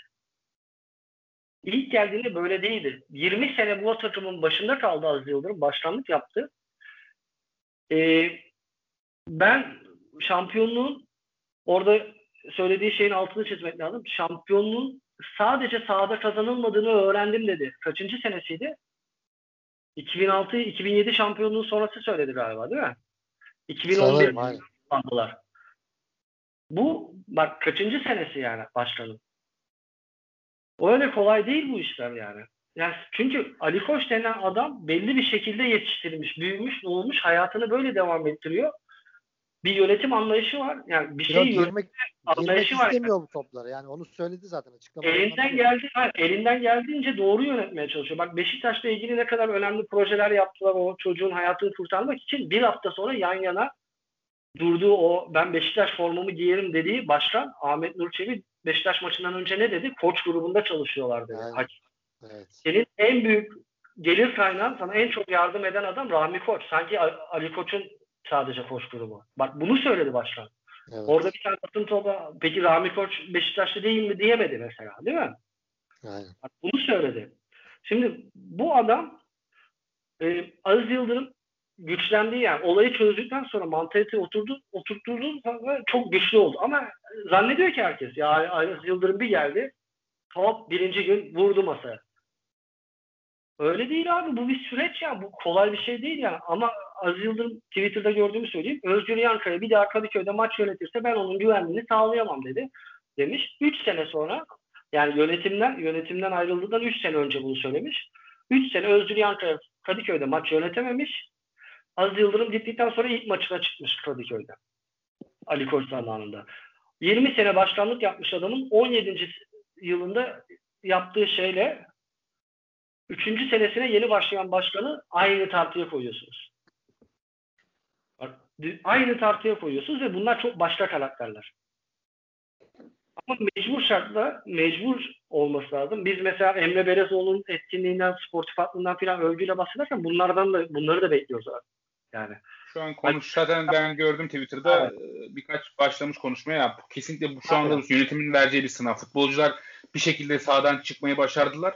E, bu dakikadan sonra sınav yönetimde ve tamamıyla Emre Belezoğlu'nda çok ciddi şekilde, çok ciddi şekilde yani ayağa kalkmaları lazım. Bu, bu inanılmaz bir şeydi bugün yaşananlar. Ya bir de şey abi hep onu Twitter'da da onu yazdım ben. Yani biz mesela herhangi hepimiz işe gidiyoruz, geliyoruz. Yani işimizde bir hata yapsak yani patron direkt kovar bizi ama hakemler sürekli hata yapıyor. Yani hiçbir şey olduğu da yok. Ben onu söylemiştim hatırlıyorsun. Yani hata yapınca cezasını almadığın tek yer yani. Tabii tabii ben dedim ya çocuğum olursa ileride hakem yapmak isterim. Yani hakemliğe yönlendireceğim demiştim. Yani evet, müthiş bir meslek. 2000, 2004'te bir de askerdeyken 2006'da bana iki kere geldi hakem olsana teklifi. O zaman askerler daha çok hakem oluyordu. Bilmiyorum siz hatırlar mısınız? Yani hakemler genelde askerlerden oluşuyordu eskiden. Yok hatırlamıyorum. Askeri, tabii askeri, e, Erol Ersoy falan falan hepsi şey askeri şeyle. Bilmiyorum, Ee, böyle bir gelenek vardı yani. Hac, e, sahada da hani o duruşu şey yapsın. İkinci profesyonel hakemlik olmadığı için genelde serbest meslek yazıyor ya şimdiki hakemler şeyinde. Genelde onlar asker oluyordu eskiden. Hı hı. Yani e, şimdi mesela ben o zaman gelmişti yani teklif. Ben eşim maçta maç sırasında söyledi. Keşke sen de hakem olsaydın dedi. Yani çocuğumu bırak. Keşke ben de hakem olsaydım yani. Gerçekten hiçbir şey bak. Yargıç bile hata yaptığı zaman yargıtaya gidiyor. Dava bozuluyor yani. Şimdi burada şu maçta var karışmasa kural hatası falan olmayacak yani. Bitti gitti yani. Bitti gitti. Bir de şimdi bu MHK'yi anlayışla karşılıyorum. Yeni yüzler falan falan kadroyu genişletmeye çalışıyorum. Çalışıyorlar. Şimdi eskiden öyleydi ki 7 tane 8 tane hakem vardı. Tamam mı? Bunların 3'ü 4'ü 5'i büyük takımlara verebiliyordu. İkisini derbiye verebiliyordu. Şimdi Beşiktaş maçındaki hakemi bitti. Kolay kolay bak listeden çıkar. Derbiyi geç büyük takımların maçına daha kolay kolay veremez. Trabzon'da Başakşehir'le falan başlatırlar. Şimdi bu hakemi Fenerbahçe'ye veremiyorsun. Ve genç hakemler hata yapıyor. Ne yapacaksın? Yani, Yani yani bu tarafı eleştiriyoruz. MHK'ye çökelim falan falan. Bunları da yapalım ama değil mi bak Fenerbahçe'ye ne kalıyor? Özgür Yankaya kalıyor tamam mı bir dahaki hafta için mesela. Sen yani çok zor iş ya. Baştan sona yanlış yani. Baştan sona yanlış yani. Her şey ya düzen baştan sona yanlış ve ama bu düzendeki yanlışlıklar bizim şimdi aleyhimize dönmüş vaziyette. Bizim üzerimize kanalize edilmiş durumda. Bununla bir şekilde mücadele etmemiz lazım. Baştan çıkıp konuşsun diyoruz. Ama baştan 3 senedir konuşmuyor mu yani Yiğit mesela? 3 senedir konuşmuyor. Geçen sezon konuşmadım. ya böyle maç sonlarında pek göremedik. Bak mesela biz programda da geçen sezon konuşmadım maç sonlarında. Ya çok yani sürekli değil yani böyle Geçen sezon Genelde yöneticileri yolluyor veya başka geçen başka sezon- gün konuşuyor. geçen se- sezon e, pasifize edilene kadar Semih Bey konuşuyordu. Ondan sonra başkan Evet, evet. Başladı. Neyse bak e, Onur abiyi biliyorsunuz programda da çağırdık. Onur. Evet. onun mesela bir şey var diyor ki yani gerçekten bazen aşırı aşırı şey yapıyor ama bu hakemler bu ad- adamlar aramızda dolaşıyor diyor. Fenerbahçeliyseniz geldi mi kardeşim dükkanınıza? Çay mı istedi? Vermiyorum. Bakkala geldi alışveriş mi yaptı? Vermiyorum. Aynen yayında söyledi ya. Anladın mı? Yayında da söyledi. Yani, Aynen. Yani başkan konuşsun ya konuşsun konuşmasın büyük konuşsun bunlar tabii ki arka planda çalışsınlar. Ama yani biz kitle olarak şey yapmıyoruz ki. Bugün Denizli maçı 2-2'ye dönseydi hop başkana dönecektik, takıma dönecektik. Ya bunu konuşacaktık ama hakem bizi bitirdi. Ha mesela Konya maçı hakem maçı seyrini değiştirdi. Çok konuşuldu ama unutuldu. Şimdi konuşuyoruz. İçer, şimdi nasıl konuşuyoruz? İçeride Konya'ya yenilen Fenerbahçe diyoruz. Biz sahada tabii, her zaman bu böyledir abi. Bu her zaman böyledir zaten. programda da sahada kalmaya çalışıyoruz. Hatta hani dinleyicilerimize söyleyeyim o bölüm için başka bir program hazırlığımız da var yani. Derin mevzu diye bu hafta içinde arkadaşlar e, yapacaklar. O, o bölümü oraya atmaya çalışıyoruz ama sağ içinden sahanın içi yani bu yani. Çıkamıyoruz ki bunun içine. Yani ben özellikle e, ekibindeki arkadaşlarımla filan falan da böyle tartışıyordum. Böyle tartışıyordum. Yani sahanın içini yorumlamak gerçekten çok zor yani. Hakemsiz sahanın içini, hakemden başlamadan oyunu, futbolu Türkiye'de zor. konuşmak çok zor. Başarabilene de helal olsun diyorum. E, ben hiç sevmiyorum hakem konuşmasını. E, ama yapacak bir şey yok. Ya bu maçta nasıl hakem konuşmayacaksın? Evet. Me ya mecbursun. Nasıl yani. Konuşmayacaksın abi? Nasıl Aynen. konuşmayacaksın? Aynen. Bu arada şeye baktım ben şimdi de resmi siteye girdim. Maç fotoğraflarına baktım ya da Ali Koç sanırım yok Denizli'ye gitmemiş ya. Ben Twitter'da başkan çok sert bir açıklama yapacak diye okudum ama o yüzden dedim. Demek ki Denizli'ye gitmemiş. Fa- Yani fotoğraf bir tane fotoğraf var yöneticilerin olduğu o yok yani. Emre falan oturuyor bir arada hep. Abi Bilmiyorum. işte yani bak Yiğit aynı şey diyor. Fenerbahçe kurumsal yönetilsin, futbol aklı olsun. Başkan karışmasın diyoruz. Başkan konusuna dönüyoruz. Yok Anladın yok ben şey açısından, ben şey açısından Yani söylüyorum. adam yani ben Ali yok yok ben şey açısından söylüyorum. Ben başka açıdan. Yani Ali Koç'u anlatabilmek için yani istemediği çok belli. Yani yöneteyim, Yok bence de istemiyor ya. sorumluluğu bu isimlere vereyim. Karar alma sürecinde dahil olayım. Zaten bunu YouTube'da yaptığı bir programda e, ekonomi bazlı bir programda orada konuşurken de anlattı zaten kelime kelime. Yani mesaisini nasıl haftalığını nasıl geçirdiğini falan her şeyi anlattı. O yüzden yani eh, yönetim bir karar alıyor. Bu bu bu konuşuyor ama öyle bir yere geliyor ki Türkiye'de yani nasıl kurumsallaşacaksın abi başka yani diyoruz ya Avrupa, Avrupa hep ben bunlarla büyüdüm ya. Avrupa'da başkanlar soyunma odasına girmiyor. Az Yıldırım giriyor. Evet. Az Yıldırım Ya zaten başkan- şöyle bir şey var abi. Başkanı tanıyorsunuz. Hangi başkanı Önceki- tanıyorsunuz? Nereden biliyorsunuz? Ya nasıl tanımayacaksın? Nasıl konuşmayacaksın? Nasıl soyunma odasına girmeyeceksin? Nasıl hakem odasının başında beklemeyeceksin? Değil mi? Abi şöyle bir şey var. Bu sene diğerlerinden farklı olarak şunu söyleyeyim. Emre Belezoğlu var zaten. Yani Emre olduğu için diyor ya Yiğit katılıyorum. Sebahattin Baki, Selahattin Baki konuşunca yani kimse dinlemez ama Emre gibi bir figür var orada. Emre, Evet. Emre konuşunca herkes dinler. Hep de Emre'yi manşet de- olur. Ali Koç'a çok gerek yok yani. Emre konuşur Emre- bu işleri. aynen. Konuşmuş da Evet, zaten. Başka- Emre de manşet olur bence de ya. Katılıyorum ona sana. Bu arada Aynen. maç sonu maç sonrası ben şey ne bileyim doğru bulmadım. Siz ne diyeceksiniz? Fenerbahçe baktıkça bizi hatırla diye bir fotoğraf koydu yani. Denizli Spor'un attığı tweet'e ithafen de. Kale almamak gerekiyordu bence. Fenerbahçe bence de ya. Fenerbahçe gibi bir kulübün Denizli Spor'u bu şekilde kale almaması lazım bence de. Abi Katılıyorum. Ben de ben de düşünüyorum. Ama Hatırla bak, diye tweet atmayacağım bence. Gerek yok yani. Tamam attın yani. bak sana, ye- sana yemin ediyorum ki maç 2-0 mı 3-0 olduğunda o gol sevinci sırasında yemin ediyorum bunu düşündüm. Maçtan sonra acaba bizimkiler paylaşacak mı? Ee, sonra şey dedim yani hiç muhatap olmamak daha mı iyi acaba diye düşündüm. Ama öyle değil. Hatırlam yani bunu koymak lazım çünkü aynısını sadece şey yapmadı o hafta biliyorsun. Denizli yapmadı. Diğerleri de yaptı. Diğer bir takım daha yaptı. Herkes yaptı. Onlar- Ya herkes de zaten. Yani Ya bu zaten yani. Deniz diye cevaptan çok başka kişilere cevaptı yani. Gerek yok. Denizli kim diye düşünüyorsun ama bu öyle değil işte. Sirayet ediyor. Daldan dala. Yani Denizli'nin attığı tweet'e bak ya. Akşam yani senin tarihinde kümede kaldığın maç. O maçın şeyini yapıyorsun. O maçtan sonra sadece bir beraberliğin mi ne var? Değil mi? O Evet. maçtan sonraki sene 2-2 berabere kalmıştık Kadıköy'deki ilk maçta. O da mesela çok acıdır yani. O maçın üstüne Denizli geldiğinde bize 2-2 Evet. berabere kalmış. O maçı Aynen. oynayan oyuncuların büyük şeyidir. Yani bugün mesela hani onu hissettirmek lazımdı Denizli Spor'a. Keşke oyun e, kırmızı kart falan falan olmasaydı 3-0, 4-0, 5-0 baktıkça bunu hatırlayıp sadece Denizli'ye değil ligin geri kalanına yani. 17'ye karşı artık 20'ye karşı oluyor galiba değil mi? 21 takım. Yani. Çok Aynen. çıktı sayamıyorum. Hepsine vermek lazım yani. Abi biz Fenerbahçe'yiz yani. Hop Evet. sen sosyal medya etkileşim alayım filan derken altında kalırsın mesajını vermek lazım. Neyse abi başka var mı eklemek istediğiniz bir şey? Yok abi yeteri kadar bence konuştuk. Ee, hakemi de konuştuk. Gelecek Cuma- haftayla ilgili istiyorsan biraz Evet, onunla ilgili bir şey aynen. söyle- söylemek Cu- var. aynen. Cumartesi günü saat 7'de Fenerbahçe Malatya Spor maçı var Kadıköy'de. O maçla ilgili bir şeyler söyleyin. Sonra da kapatalım.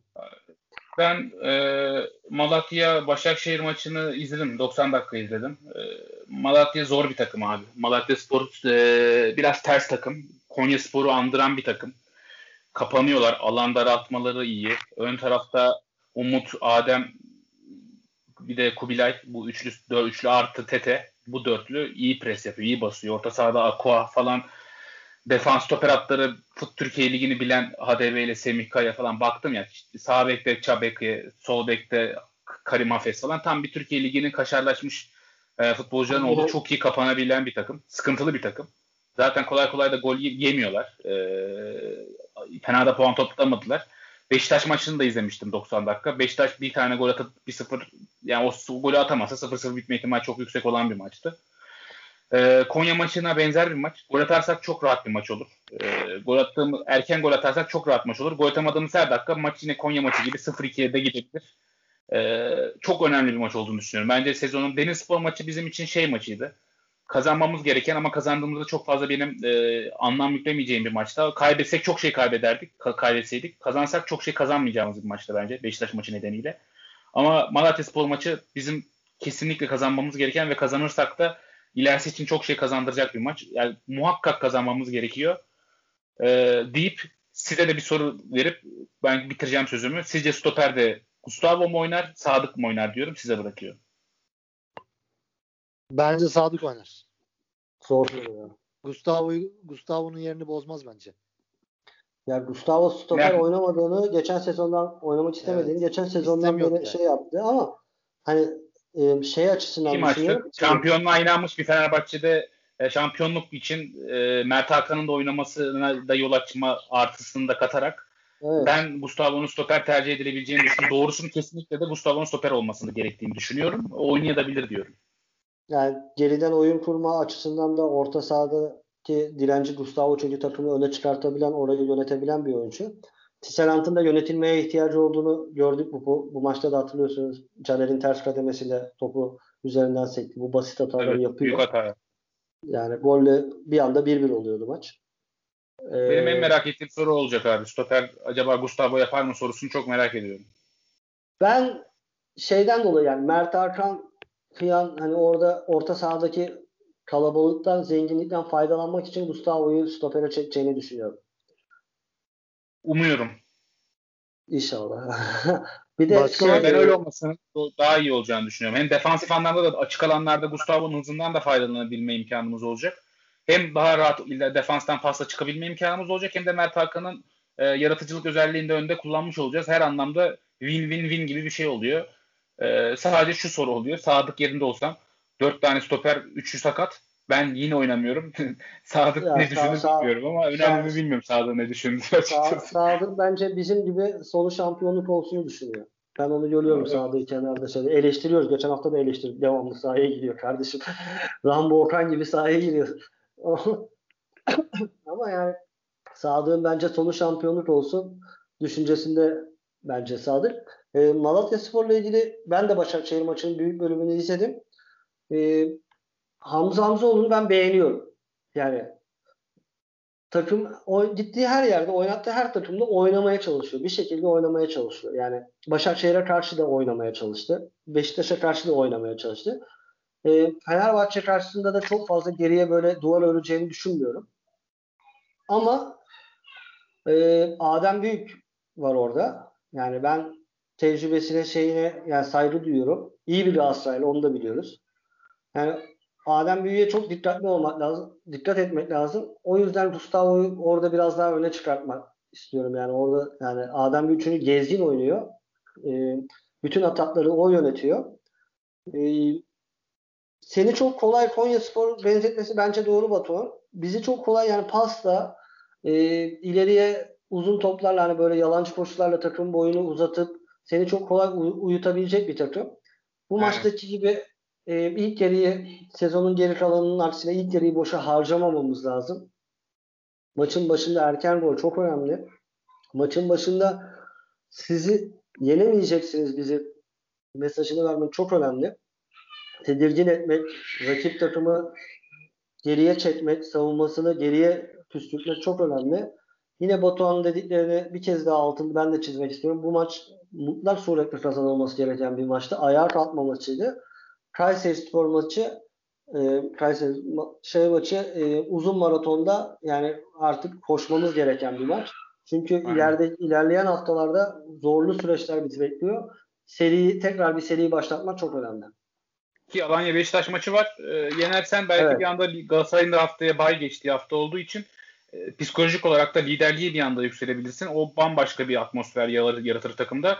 E, sezonun bence çok kritik bir maç. Bu maç da çok kritikti bugün ama kaybedecek çok şeyimiz vardı. Kazanacak çok bir şeyimiz yoktu. Malatya Spor maçı her anlamda çok önemli olacak. Umarım kazanırız. Zor maç. Zor olacak. Bir şey daha söyleyeceğim. Bu bay geçiyorlar ya haftayı bay geçiyoruz ya. Evet. Hı hı. E, bay geçen yani Mehmet Demirkol çok uzun zaman önce söylemişti. Pek de yankı bulmadı ama bence bu bay geçen takıma 3 puan verilmesi çok mantıklı. Olabilir Yani yani, düşünebilirim. İzlemiştim ben de hatırlıyorum. Yani puan Aynen. tablosu Sanki o hafta puan- yenilmişsin gibi Evet, evet. psikolojik puan tablosuna baktığın zaman şimdi Galatasaray haftayı bay geçiyor. Gerçekten yerin bizim de başımıza gelecek. Yani yenilmiş gibi bakıyorsun. Kardeşim oynadığın maç sayısı değil mi? Eksik. Yani puanda 6 puan, 3 puan, 4 puan geriye düşmüşsün. Halbuki öyle değil yani. Halbuki öyle değil. Herkes o haftayı bay geçtiği için herkes sıfır yazacak oraya. Yani sıfır yazmak yani herkese 3 yazmak çok mantıklı. Çünkü yani puan tablosunu daha net okuyabiliyorsun o zaman. Şimdi bay geçen takımlar eksik mi maç yaptı, ne oldu falan bilmiyorsun yani. Oynadığı maç sayısını bir ekleyip oraya ne bileyim 3 puan yazınca hani puan tablosunun bir anlamı yok yani şu an. Değil mi? Haftaya bakacağız Alanya, Beşiktaş, Fenerbahçe, Galatasaray'ı üstte göreceğiz kardeşim. E, bay geçenler e, biz bay geçmedik. Alanya geçti mi? Geçmedi ama eksik bir maçları var hafta içi oynayacaklar. Ha, eksik bir maçları var aynen. Oynamam. Gösterge maçı haftayı bu hafta Beşik, içi oynayacak bu arada. Beşiktaş'ta Galatasaray bay geçti. Şimdi tabloyu okuyamıyorsun yani. Anladın mı yani? Tablo sana evet. bir fikir evet, vermiyor. Evet. Çok saçma. Onu 3 puan yazmak çok mantıklı. Neyse neresi doğru ki benim de derdim işte. E, keşke tek eksiğimiz olsaydı diyorum aynen. aynen aynen. aynen. Neyse beyler ağzınıza sağlık. Bir saat 20 dakika oldu. Bizi dinleyenlere de teşekkür ederiz. Haftaya Malatya Spor maçı sonrası tekrar görüşmek üzere. Hoşçakalın. Hoşçakalın. Hoşçakalın.